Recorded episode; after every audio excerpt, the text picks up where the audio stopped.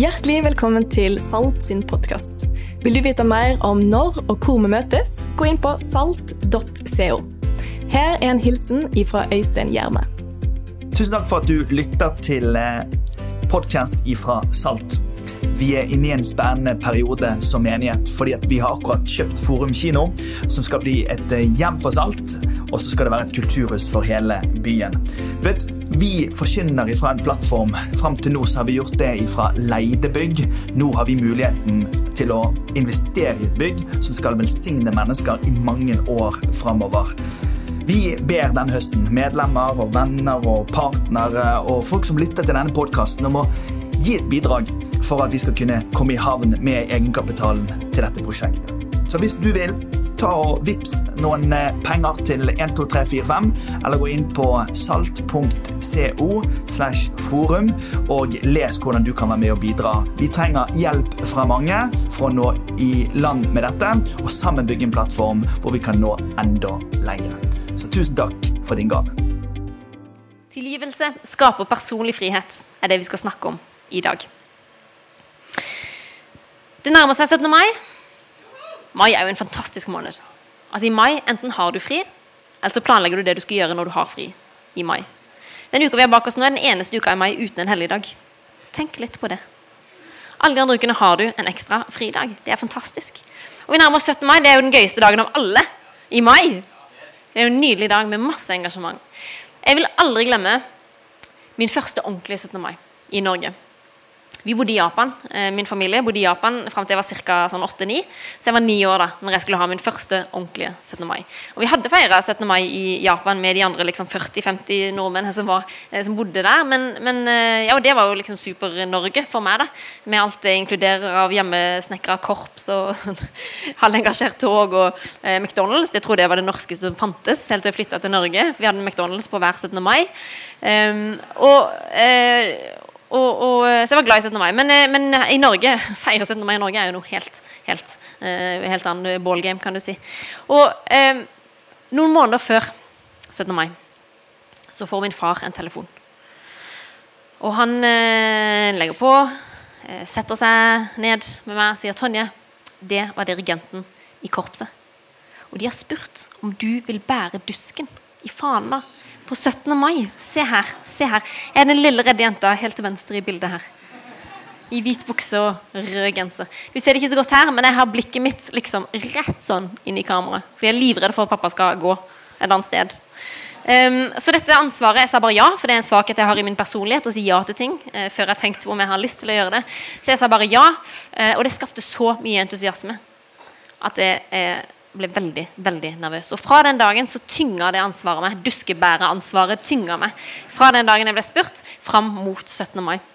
Når jeg våkner den dagen, så bare kjenner jeg klumpen i magen. Skjønner du? Skulle tro det var liksom eksamen eller oppkjøring eller et eller annet. Livsforvandlende. Um, men jeg skal altså bære en dusk i et tog. Og, um, og jeg, jeg, blir så nervøs. Pappa klarer liksom å dytte i meg noen skiver med gulost. og vi kjører av gårde, og på slutten av den lille kjøreturen det var, til da vi skulle møte korpset, så klarer jeg ikke å tenke klart. Så nervøs er jeg. Og nervøsiteten min den kulminerer i at jeg kaster opp foran hele korpset. Skjønner du? I, i syv-halv åtte-draget på morgenen der. Og jeg vil dø av skam. Og hadde det åpna seg et hull i bakken som kunne ta meg til jordens indre, så hadde jeg hoppa oppi med største glede. Det var et pinlig øyeblikk. Som dere ser her på neste bilde, så kom det seg etter hvert. Jeg fikk i meg litt mat, klarte å liksom se noenlunde avbalansert ut på et bilde. Og, og eh, komme gjennom dagen med æren så noenlunde i behold. I hvert fall. Ganske lik sveis, ser jeg nå. Så, har, jeg har vært innom mange faser siden da, bare så det er sagt. De neste ukene skal vi snakke om tilgivelsens skapende kraft og hvordan vi kan leve i indre frihet. Og For å snakke, for å forstå på en måte dybden i dette med tilgivelse og nåde og indre frihet, så trenger vi å forstå også dybden i synd og skam, bekjennelse og erkjennelse av at livet ikke alltid er sånn som vi ønsker. Og Vi som, som ser på oss sjøl som, som midt på treet, kanskje litt over middels gladkristne, vi liker helst å snakke om det som er hyggelig. sant? Nåde, tilgivelse, glede, takknemlighet. Vi liker å hoppe på lovsangene og ha liksom superkult lydbilde. Vi liker de tingene. Men for å forstå dybden i det gode, så må vi forstå dybden i det destruktive. Og Det skal vi gjøre et lite forsøk på her i dag. Disse tingene her, Synd og erkjennelsen av at ting går på tverke, det illustreres godt i en historie som Jesus forteller, som er mye brukt. Har du vært innom eh, litt sånn kirke opp igjennom, så vil du kjenne den igjen. Det er historien om sønnen som kom hjem igjen. Det er altså en sønn som ber om forskudd på arven, stikker av gårde, lever et vilt liv og eh, ender til slutt da i en grisebinge hvor han skjønner at dette var jo ikke det livet jeg var kalt til å leve. Vi leser fra Lukas 15. Jesus sa, en mann hadde to sønner. Den yngste sa til faren, 'Far, gi meg den delen av formuen som faller på meg.' Han skiftet da sin eiendom mellom dem. Ikke mange dager etter solgte den yngste sønnen alt sitt og dro til et land langt borte. Der sløste han bort formuen sin i et vilt liv. Men da han hadde satt alt over styr, kom det en svær hungersnød over landet, og han begynte å lide nød. Da gikk han og søkte tilhold hos en av innbyggerne der i landet, og mannen sendte ham ut på markene sine for å passe grisene. Han ønsket bare å få mette seg med de belgfruktene som grisene åt, og ingen ga ham noe. Da kom han til seg selv og sa, hvor mange leiekarer hjemme hos min far har ikke mat i overflod, mens jeg går her og sulter i hjel? Valgene han har tatt, har ført han til et utenkelig sted. Det ene har tatt det andre, og til slutt finner han seg sjøl i en grisebinge. Og Hvis noen hadde sagt til han når han var barn, der han vokste opp uten bekymringer, i overflod. Sagt at du, min venn, om noen år kommer til å våkne opp i en grisebinge. Så han har fnyst av det. Det er ikke det livet som er skjært ut for meg. Jeg er ikke en sånn type som ender opp i en grisebinge. Det er alle de andre. Men historien om denne sønnen forteller oss noe allmennmenneskelig.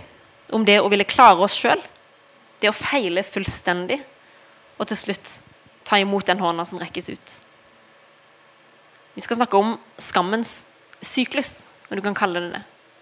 Og delt opp i skam, i kompensering, eller det å ville prøve, prøve å fikse det sjøl, før man til slutt overgir seg. Det finnes en annen måte å håndtere skam på, og det er liksom dytte det enda lenger ned i hjertet og låse nøkkelen og hive den på sjøen. Men det går ikke så bra til slutt. Så hvis du er litt lur, så følger du med på det vi her skal snakke om. Vi begynner med skam. Eh, altså Når jeg ser utover dere, så skjønner jeg at eh, ingen her som har måttet stå i skammekroken. Kanskje noen av de eldste her har kanskje stått i skammekroken, så jeg ikke gidder å stille spørsmål engang. Dere er sånn, hæ, skammekroken? Men det er sånn som foreldrene deres og besteforeldrene deres måtte gå i eh, når de gjorde noe galt. Eh, da måtte man stå i skammekroken og skamme seg. Og så tenkte man at det har en god oppdragende effekt. Det fraråder man, man jo eh, å gjøre med barn òg. Vi hadde ikke skammekrok når jeg var liten, men vi hadde, altså vi hadde et kjøleskap hvor det var en glipe da, som var kanskje så stor mellom kjøleskapet og veggen. Og hvis vi rundt middagen begynte å si sånne stygge ord eller vulgære ting, så måtte vi gå og rope de ordene eh, inn bak kjøkkenet. Kjøkken, bak kjøleskapet. Og jeg vet ikke hva pedagogikken var der. Jeg tror det begynte med et sånn litt morsomt innfall fra min far, og så ble det en greie. da. Så hver gang noen liksom tok litt av rundt middagsbordet, så var det du, kjøkken, bort, kjøleskapet. Snakke inn bak kjøleskapet. Så det var litt sånn slags, eh, slags sånn verbal søppelplass. da. Så vi alle var litt redde, var litt redde for det som skjedde bak kjøleskapet, for der var det mange stygge ord som som hadde blitt kasta inn. Eh, nå for tida, hvis du har sett på Nanny 911 eller Supernanny, Super Nanny, så eh, vet du at eh, barn skal settes i trappa. Du skal liksom si 'Nå må du i trappa!' Og så, så må de sitte i trappa på det trinnet til de har liksom fått tenkt seg lenge og vel om og skjønt at det de gjorde, var galt, og er klare til å si unnskyld. Så det er litt mindre sånn eh, skam, skambeleggende enn å gå i skammekroken, men det skal ha liksom en lignende effekt. da. Og Grunnen til at man frarådes å skape skam i barn, er at det er en kraftig følelse. Den er vår mest ensomme følelse. Den er den følelsen som vi er minst villige til å dele med andre.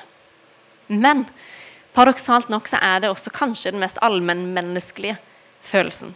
Den er de første følelsene som vi kjenner på. Mange vil også huske noen av sine første opplevelser med skam. Skyld det brukes gjerne om noe man har gjort. At du er skyldig i å ha gjort sånn eller sånn. Men skam det handler om følelsen rundt den man er. Og det sitter mye dypere og er definerende for mange. Her er en definisjon fra Store norske leksikon. Skam er en sterkt ubehagelig følelse av å ha vist en nedverdigende side av seg selv. Og dermed avslørt seg selv som et mislykket, udugelig eller umoralsk individ. Skam er nær knyttet til selvfølelsen og får en til å føle seg liten med ønske om å skjule seg. Men skammen har også en funksjon. En psykolog som heter Geir Berg, sier at eh, skammens ubehag ber oss om å stoppe atferd som kan skade andre eller oss selv, og den hindrer oss i å forfølge egeninteresser som ender i ren grådighet. Egeninteresser som ender i ren grådighet, atferd som skader oss sjøl eller andre, det er det Bibelen kaller for synd. Bibelen bruker ordet synd om alle handlinger eller tanker som bommer på Guds gode vilje. Gud har en god og perfekt vilje for menneskene. Hadde vi klart å leve den, hadde vi klart å elske hverandre og elske oss sjøl, sånn som Gud gjør, så hadde vi levd i en perfekt, balansert verden. Men du trenger ikke se lenge på nyhetene for å skjønne at det ikke er tilfellet. Og De gangene vi bommer på å vise den godheten mot andre eller mot oss sjøl, så kaller vi det for synd. Vi bommer på målet. Før var man opptatt av å knytte det til konkrete handlinger. Sant? Dine besteforeldre kunne ikke spille kort, f.eks. Kunne iallfall ikke plystre, for det hadde et eller annet med djevelen å gjøre. av en eller annen merkelig grunn. Kunne ikke spikke på en søndag, kunne ikke tenke på en saks på en søndag. Fordi da arbeider du nesten. Sant? Så Før var man mer opptatt av å knytte det til konkrete handlinger, mens, mens nå snakker vi om det mer som noe som bor i oss. Som strekker oss på en måte bort ifra Gud. Ønsker å bryte med Guds gode vilje. Og synd snakkes ikke om i et sekulært samfunn som vårt. Og kristne sjøl kan jo bli ganske forlegne av ordet. Men det er et nyttig begrep. Det er en forfatter som heter Bjørn Sterk. Han har skrevet litt uh, stykker i Aftenposten. veldig interessante stykker. Han er ateist, han er samfunnsdebattant, og han sier at alle i et sekulært samfunn burde forholde seg til begreper som synd og moral. Han sier dette. Kjernen av det kristne moralsynet er at vi alle er syndere. Noen mener at dette er den verste kristne ideen. Jeg mener det er den beste. Den er frigjørende og demokratisk. Den betyr at vi kan stå sammen i ønsket om å være bedre enn vi er. Vi er ikke perfekte og kan aldri bli det. Og litt Senere i samme stykke sier han jeg sier ikke at vi alle skal bli kristne, men at vi skal stjele verktøyene deres. Som da tydeligvis er synd. Fordi begrepet synd det hjelper oss å forklare hva det er som gjør at ting stadig går på tverke for oss. Disse tingene som river i oss. Misunnelsen, sjalusien, selvhevdelsen, egoismen, kynismen. Ingen av oss slipper unna de tingene. Og synd får oss til å ville skamme oss. Synd får oss til å ville synke i jorda. Fortellingen tidlig i Bibelen om eh, når menneskene først velger å gå imot Guds vilje. Det er det som bringer synd inn i verden. De får på en måte en beskjed om en ting de ikke skal gjøre, og de gjør den ene tingen. Og, og, eh, og Der beskriver det hvordan Adam og Eva, når de har synda, så prøver de å gjemme seg fra Gud. En sjanseløs vurdering. Å gjemme seg for Gud. Men det er en eller annen sånn irrasjonell innskyting de får. Vi må gjemme oss. Når vi legger gjemsel hjemme i stua vår, nokså oversiktlig stue, vi er ikke i tvil om at vi finner ungene. Skjønner? Ungene er ikke i tvil om at vi kommer til å finne dem. De skjønner det. Men Adam og Eva tenker vi må bare gjemme oss. Det går sikkert bra hvis vi bare gjemmer oss for Gud. Og Den andre reaksjonen er at de oppdager at de er nakne. Du er naken! Du er naken! Alle er nakne.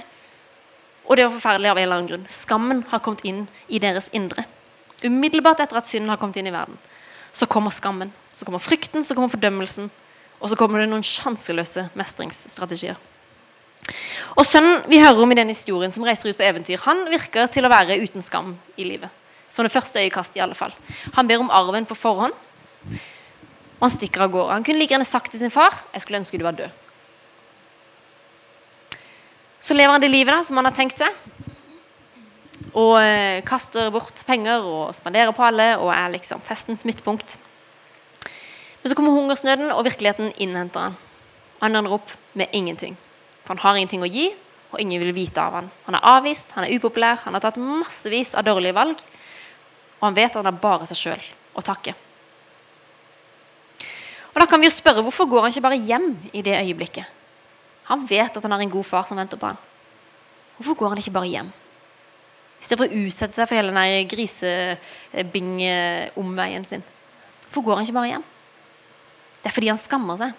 Den skammen har fått så stor plass i hans indre at han istedenfor å be om hjelp Han vet hvor hjelpen er, men istedenfor å be om den, så prøver han å fikse det sjøl. Og ender opp til slutt med å ta en jobb for å passe griser. Og alt han ønsker seg, er restene til grisene. Han kompenserer for skammen med å prøve å fikse det sjøl en veldig naturlig reaksjon for oss. Hvor mange ganger har ikke du prøvd å ta saken i egne hender før du ber om hjelp? For å kompensere for den dårlige vurderinga de gjorde, for å veie opp for den elendige impulshandlingen, den fristelsen som du falt for enda en gang. Jeg vet at jeg har satt meg sjøl i noen unødvendig kjipe situasjoner fordi jeg ikke bare har bedt om hjelp. Fordi jeg på død og liv skulle fikse det sjøl for å prøve å dekke over hvor udugelig jeg var på å ta den avgjørelsen. Vi har et voldsomt behov for å liksom hjelpe oss sjøl når vi opplever skam. Skam er en såpass ubehagelig følelse at den får oss til å handle. Vi må deale med den for å få bort ubehaget. Og da er det noen av oss som benekter den, og noen av oss som utagerer. sant? Du kan bli sint for eksempel, når noen pirker bort på noe. Altså, det er egentlig ikke sinne, det er skam, men det er sinne som kommer ut. Vi utagerer. Eller vi trekker oss tilbake, som Adam og Eva. Vi prøver å gjemme oss. Vi har mange måter å håndtere skam, men vi må gjøre noe, for det er så ubehagelig. En eh, psykolog som jobber rett her borte på Psykologisk fakultet, Per Einar Binder, han har skrevet boken 'Den som vil godt'. Veldig flott bok. Og der skriver han vi kan ha en sterk tilbøyelighet til å tro at det å gi seg selv en omgang juling hjelper oss fortere på bena. I realiteten er det slik at når du har falt, trenger du først og fremst en hjelpende hånd. Sønnen i historien er villig til å gjøre hva som helst som kan få han på beina. Og han ender opp med å passe griser. Gutten som bare noen uker tidligere var festens midtpunkt, der alle ville være med. Spanderte på alle, spiste og drakk, koste seg. Nå er han fornøyd om han får litt grisemat. Alle mennesker har vært i grisebingen. Jeg har vært i grisebingen, og du har vært i grisebingen. Kanskje er det et fjernt minne. Kanskje er du der stadig vekk. Kanskje er du der nå. Og Da mener jeg ikke at du har levd et dårlig liv sånn ytre sett. Da mener at man har kommet til det punktet, et bunnpunkt hvor du skjønner at dette klarer jeg ikke sjøl. Når jeg har prøvd alt. Når jeg sitter her og passer griser og spiser elendig mat som ikke er lagd for mennesker. Når jeg har prøvd å fikse det sjøl, men det går bare ikke. Dette er ikke det livet som er ment å leve. Det er grisebingeøyeblikket. Og I det øyeblikket så slutter vi å angripe oss sjøl. Vi slutter å gi oss sjøl juling for å få oss til å ta oss sammen og skjerpe oss. Hvis vi bare klarer det bedre neste gang, så kan vi glemme denne skamfølelsen. Da skjønner vi at det er ingenting av det som kommer til å hjelpe oss. Vi trenger hjelp. Vi trenger en hånd. Vi trenger å ta imot tilgivelse. Og det å ta imot tilgivelse det er den virkelige veien ut av skammens fengsel. I denne historien her så leser vi på slutten. Da kom han til seg selv og sa, hvor mange leiekarer hjemme hos min far har ikke mat i overflod, mens jeg går her og sulter i hjel? Jeg vil bryte opp og gå til min far og si, far, jeg har syndet mot himmelen og mot deg. Han forbereder en helt sånn unnskyldtale, som er lengre enn det jeg leser nå. Alt som han skal si da til faren for å si, vise hvor, hvor lei han er. Og dette er hva jeg kaller et grisebingeøyeblikk. En, en, eh, en psykolog, Johan Rogndal, heter hun, som skriver om skam, at å oppdage og identifisere følelsen, altså skam, er et viktig utgangspunkt for å kunne forholde seg til den på en hensiktsmessig måte. Og sagt på en litt mer folkelig måte så trenger vi alle et grisebingeøyeblikk. Hvor vi forholder oss til skammen på en hensiktsmessig måte. Og Det er det sønnen opplever i disse versene. her. Det er akkurat som han har gått inn i en sånn identitetskoma hvor alt er blitt tåkete og grått, og han har mista seg sjøl. Og han sitter og tenker hvordan i alle dager endte jeg opp her? Han sammenligner han sin situasjon nå i grisebingen med det flotte huset, den omsorgsfulle faren, og han vet det er jo der jeg hører hjemme. Hva gjør jeg her? Hvordan endte jeg opp hit? Dette er jo ikke meg. Og i det øyeblikket skjønner han jeg må be om hjelp. Og Her slutter psykologiens perspektiver å være til hjelp for oss. For De kan gi oss mange gode råd og kunnskap om hvordan, hvordan vi fungerer, og hvordan følelsene våre fungerer, og hvordan vi kan være til støtte for hverandre. Men psykologien peker innover, og psykologien peker utover på hverandre. Men evangeliet om Jesus peker oppover. Evangeliet om Jesus er det som kan sette oss fri fra skammen på innsida. Når Jesus dør, når han tar på seg vår skyld og skam, når han står opp igjen og seirer endelig, så er det det som seirer over vår skam på innsida. Ikke at vi kompenserer, ikke at vi leser en fantastisk selvhjelpsbok, men at vi tar imot hans tilgivelse.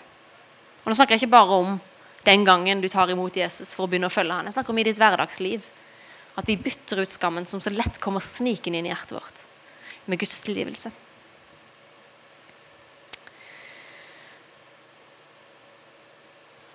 Det må bli klart for oss at det vi dypest sett trenger, fikser vi ikke sjøl. Vi finner det ikke her inne, og vi finner det heller ikke rundt oss. Vi finner ikke på noe som helst jorden rundt. Backpack-reise, om man er aldri så kul. Vi finner ikke venner eller kjæreste, vi finner ikke mat, vi finner ikke Netflix, eller vi finner ikke i Tinder. Vi må gå et annet sted. Og når sønnen nærmer seg huset, så løper faren imot ham. Og han får bare fullført halve den talen sin, unnskyld-talen sin, som han har forberedt og sikkert pugga på på vei hjem. Han får forberedt ca. halve før faren avbryter. Han kaster seg om halsen hans og sier at alt er glemt. Og roper til tjenerne at de må finne klær og de må slakte kalven, og nå skal vi ha fest. Han har ikke behov for å høre resten av den talen. For den tilgivelsen har stått klar fra den dagen sønnen forlot hjemmet. Tilgivelsen står klar. Og skammen skylles bort. Nå er han hjemme igjen. Nå er han sønn igjen. Og Guds tilgivelse den står klar og venter på oss alle. Den står klar for deg som aldri har hatt en relasjon med Gud. Den står klar for deg som følte du hadde en relasjon med Gud en gang, men så kom du litt på avstand, og nå vet du ikke helt hva du tror. Tilgivelsen står klar for deg som har vært kristen så lenge du kan huske, men som bare er blitt tatt litt av selvforakt eller skammen som kryper inn. Den står klar hver dag. Noen kaller det å ta imot Guds nåde for å gi avkall på guddommeligheten. Og med det menes at vi har satt oss sjøl høyest i livet vårt. Vi har satt oss sjøl der Gud skal være. Og når vi tar imot Hans nåde, så sier vi greit, Gud, jeg gir deg skammen min. Og så tar jeg imot tilgivelsen din. Vi slutter å tilbe det skapte og begynner å tilbe Skaperen. Og vi sier at han er Herren i livet vårt. Vi overgir oss av hjerter og av tanker og av vilje. Og alt løser seg ikke i det øyeblikket. Ikke på noen måte. Du vil fremdeles kjenne på skyld og skam innimellom. Kanskje allerede neste dag vil det skje noe som gjør at du føler deg håpløs. Men det trenger ikke definere den du er. Og da er vi kommet til det som handler om bekjennelse og erkjennelse. Og Det bør ha en plass i livet til den som tror på Jesus, og som har tatt imot Hans nåde. Nåden er noe vi lever i hver dag. Nåden er ferskvare. Og Bekjennelsen av synd og erkjennelsen av at vi feiler, det er nødvendig for at de tingene skal bli klart for oss. Jeg skal lese noen bibelvers for dere. Det første står i Salme 32, vers 5. Da bekjente jeg min synd for deg og skjulte ikke min skyld. Jeg sa, jeg vil bekjenne mine lovbrudd for Herren, og du tok bort min syndeskyld. 1. Johannes 1,9. Men dersom vi bekjenner våre synder, er Han trofast og rettferdig, så Han tilgir oss syndene og renser oss for all urett. Salme 139, vers 23-24. Ransake meg, Gud, og kjenn mitt hjerte. Prøv meg og kjenn mine tanker. Se om jeg følger avguders vei, og led meg på evighetens vei. Bibelen er full av vers som holder oss på sporet av den indre friheten som Gud ønsker å gi oss. Og Har man vært troende en stund, så er det fare for at man blir nesten litt som profesjonell kristen. At vanene er der, og strukturene er der. Rytmen er der. Men korset kan bli lite, lite for oss. Og det tror jeg gjelder kanskje spesielt hvis man har vokst opp og liksom levd sånn nokså snilt. da, i anførselstegn snilt. Altså Man har ikke gjort de der helt sprø tingene og aldri vært en særlig stor bekymring for foreldrene. og Vært ganske sånn klok og fornuftig. Da kan man komme i skade for å tenke at ja, men jeg greier meg jo sånn 70-80% på vei. Kanskje strekker meg opp på 90% på vei. Men de siste 10 som jeg trenger hjelp med Jeg trenger bare hjelp med den siste lille biten opp til Gud. For ellers er jo livet mitt perfekt. Ellers har ikke Gud noe å ta meg på. Men de siste lille 10 de trenger hjelp. Så du kan bare sette inn et lite kors der, så er livet mitt komplett. Men Jesus korrigerer den oppfatningen her når han forteller en historie om to menn som begge skylder penger. Den ene skylder masse penger, den andre skylder mindre penger. Ingen kan betale, og begge får ettergitt gjelden sin av han som har lånt de penger. I et øyeblikk av sjenerøsitet. Og Poenget i historien er at den som har fått masse ettergitt, den vil vise mer takknemlighet enn den som har fått litt ettergitt. Det stemmer nok. Et poeng som vi ofte overser i den historien, er det at ingen av de har betalingsevne. Det står jo ikke at den som skyldte eh, minst, den hadde egentlig 50 den kunne betale tilbake med, og så fikk den dekka de siste 50% av den snille mannen. Skjønner du? Ikke det historien forteller oss. Det står ingen av dem kunne betale. Ingen av de hadde betalingsevne. Han ene hadde skyhøyt lån, han andre hadde litt mindre lån. Men de var nøyaktig i samme situasjon. Begge skyldte penger. Ingen kunne betale. Og Jesus tok ansvar for vår manglende betalingsevne. Vi begynner alle på scratch. I møte med Gud så står vi alle på scratch. Men Jesus tok ansvar for vår manglende betalingsevne. Og på den måten, hvis vi klarer å holde det perspektivet klart for oss, Klare å minne oss sjøl på noen av de versene, f.eks. de som jeg leste nå fra Bibelen, som forteller oss om dette med det indre livet og ta imot Guds nåde. Erkjenne at livet er ikke alltid sånn som vi ønsker at det skulle. Løfte det framfor Gud når skammen tar oss. Da kan vi holde oss på sporet av den friheten. Og når det korset får bli så stort for oss som det skal være, så tar vi det ikke for gitt. Og jeg, jeg skal den første til å skrive under på at jeg klarer ikke å gjøre, jeg klarer ikke å hente det perspektivet hver eneste dag. Fordi livet er sånn som livet er. Men innimellom så trenger vi å ta oss tida og roen. Slå av telefonen. Eller i hvert fall en eller annen flight mode. Noe som gjør at du får roen nok, lenge nok, til at det får synke inn. Du får et friskt blikk på Jesus, du får et friskt blikk på hans nåde og det som han har gjort for deg. Du kjenner at roen senker seg. At jaget senker seg. At skammen får smelte bort. Sitt lenge nok i Guds nærvær til at skammen får smelte bort. Vi skal, um, så går vi til en avslutning, og dere kan uh, få reise dere opp. skal vi straks uh, be litt sammen. Alle mennesker kjenner på skam. Det er en allmennmenneskelig følelse, samtidig som det er en veldig ensom følelse. Og vår naturlige reaksjon det er å skulle fikse det sjøl. Skulle kompensere. Alt mulig for å ikke innse nederlaget. Men det lureste vi gjør, det er å venne oss til den som kan hjelpe oss med det. Det lureste vi gjør, er å ta imot den hånda som strekkes ut mot oss. Skjønne at de trenger hjelp. Ta grisebingeøyeblikket på alvor. Hjelpen er nær. Vi trenger å bytte skammen mot livelse og frihet. Og vi trenger at korset holder seg stort for oss. At ikke det blir lite, at de tar det som en selvfølge eller tenker at det kunne vel klart det meste av dette sjøl. Vi trenger korset 100 alle sammen. Nå eh, skal jeg be to bønner, og den ene bønnen handler om dette som vi har snakka om nå. Og du trenger ikke være spesielt ramma si, av det som vi har snakka om nå, for å kjenne deg igjen i det. Jeg kan selv, dette er en bønn jeg kan be for meg sjøl hver eneste dag. Så bare heng deg på den der som du står.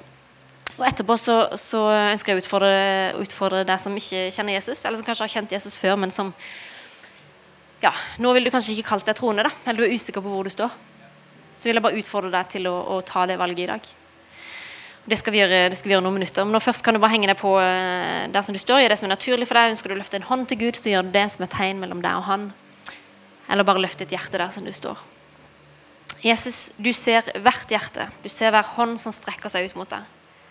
Du ser hva som rører seg, Herre. Av følelser. Av tankemønstre. Av historie. Herre, nå vender vi vårt blikk til deg, så tar vi den hånda som du rekker ut mot oss. Hver eneste dag så bytter vi skammen og selvangrepene med frihet og tilgivelse. Herre, la oss kjenne at skammen slipper taket. Den har ikke et plass i våre liv, den har ikke et plass i våre indre. Den skal ikke definere hvem vi er. La oss kjenne at nåden gir oss liv. Den gir oss fred. Den gir oss et friskt blikk på livet. Herre, la det bli en vane i våre liv og erkjenne sannheten om våre svakheter og ta imot din tilgivelse hver dag, Jesus.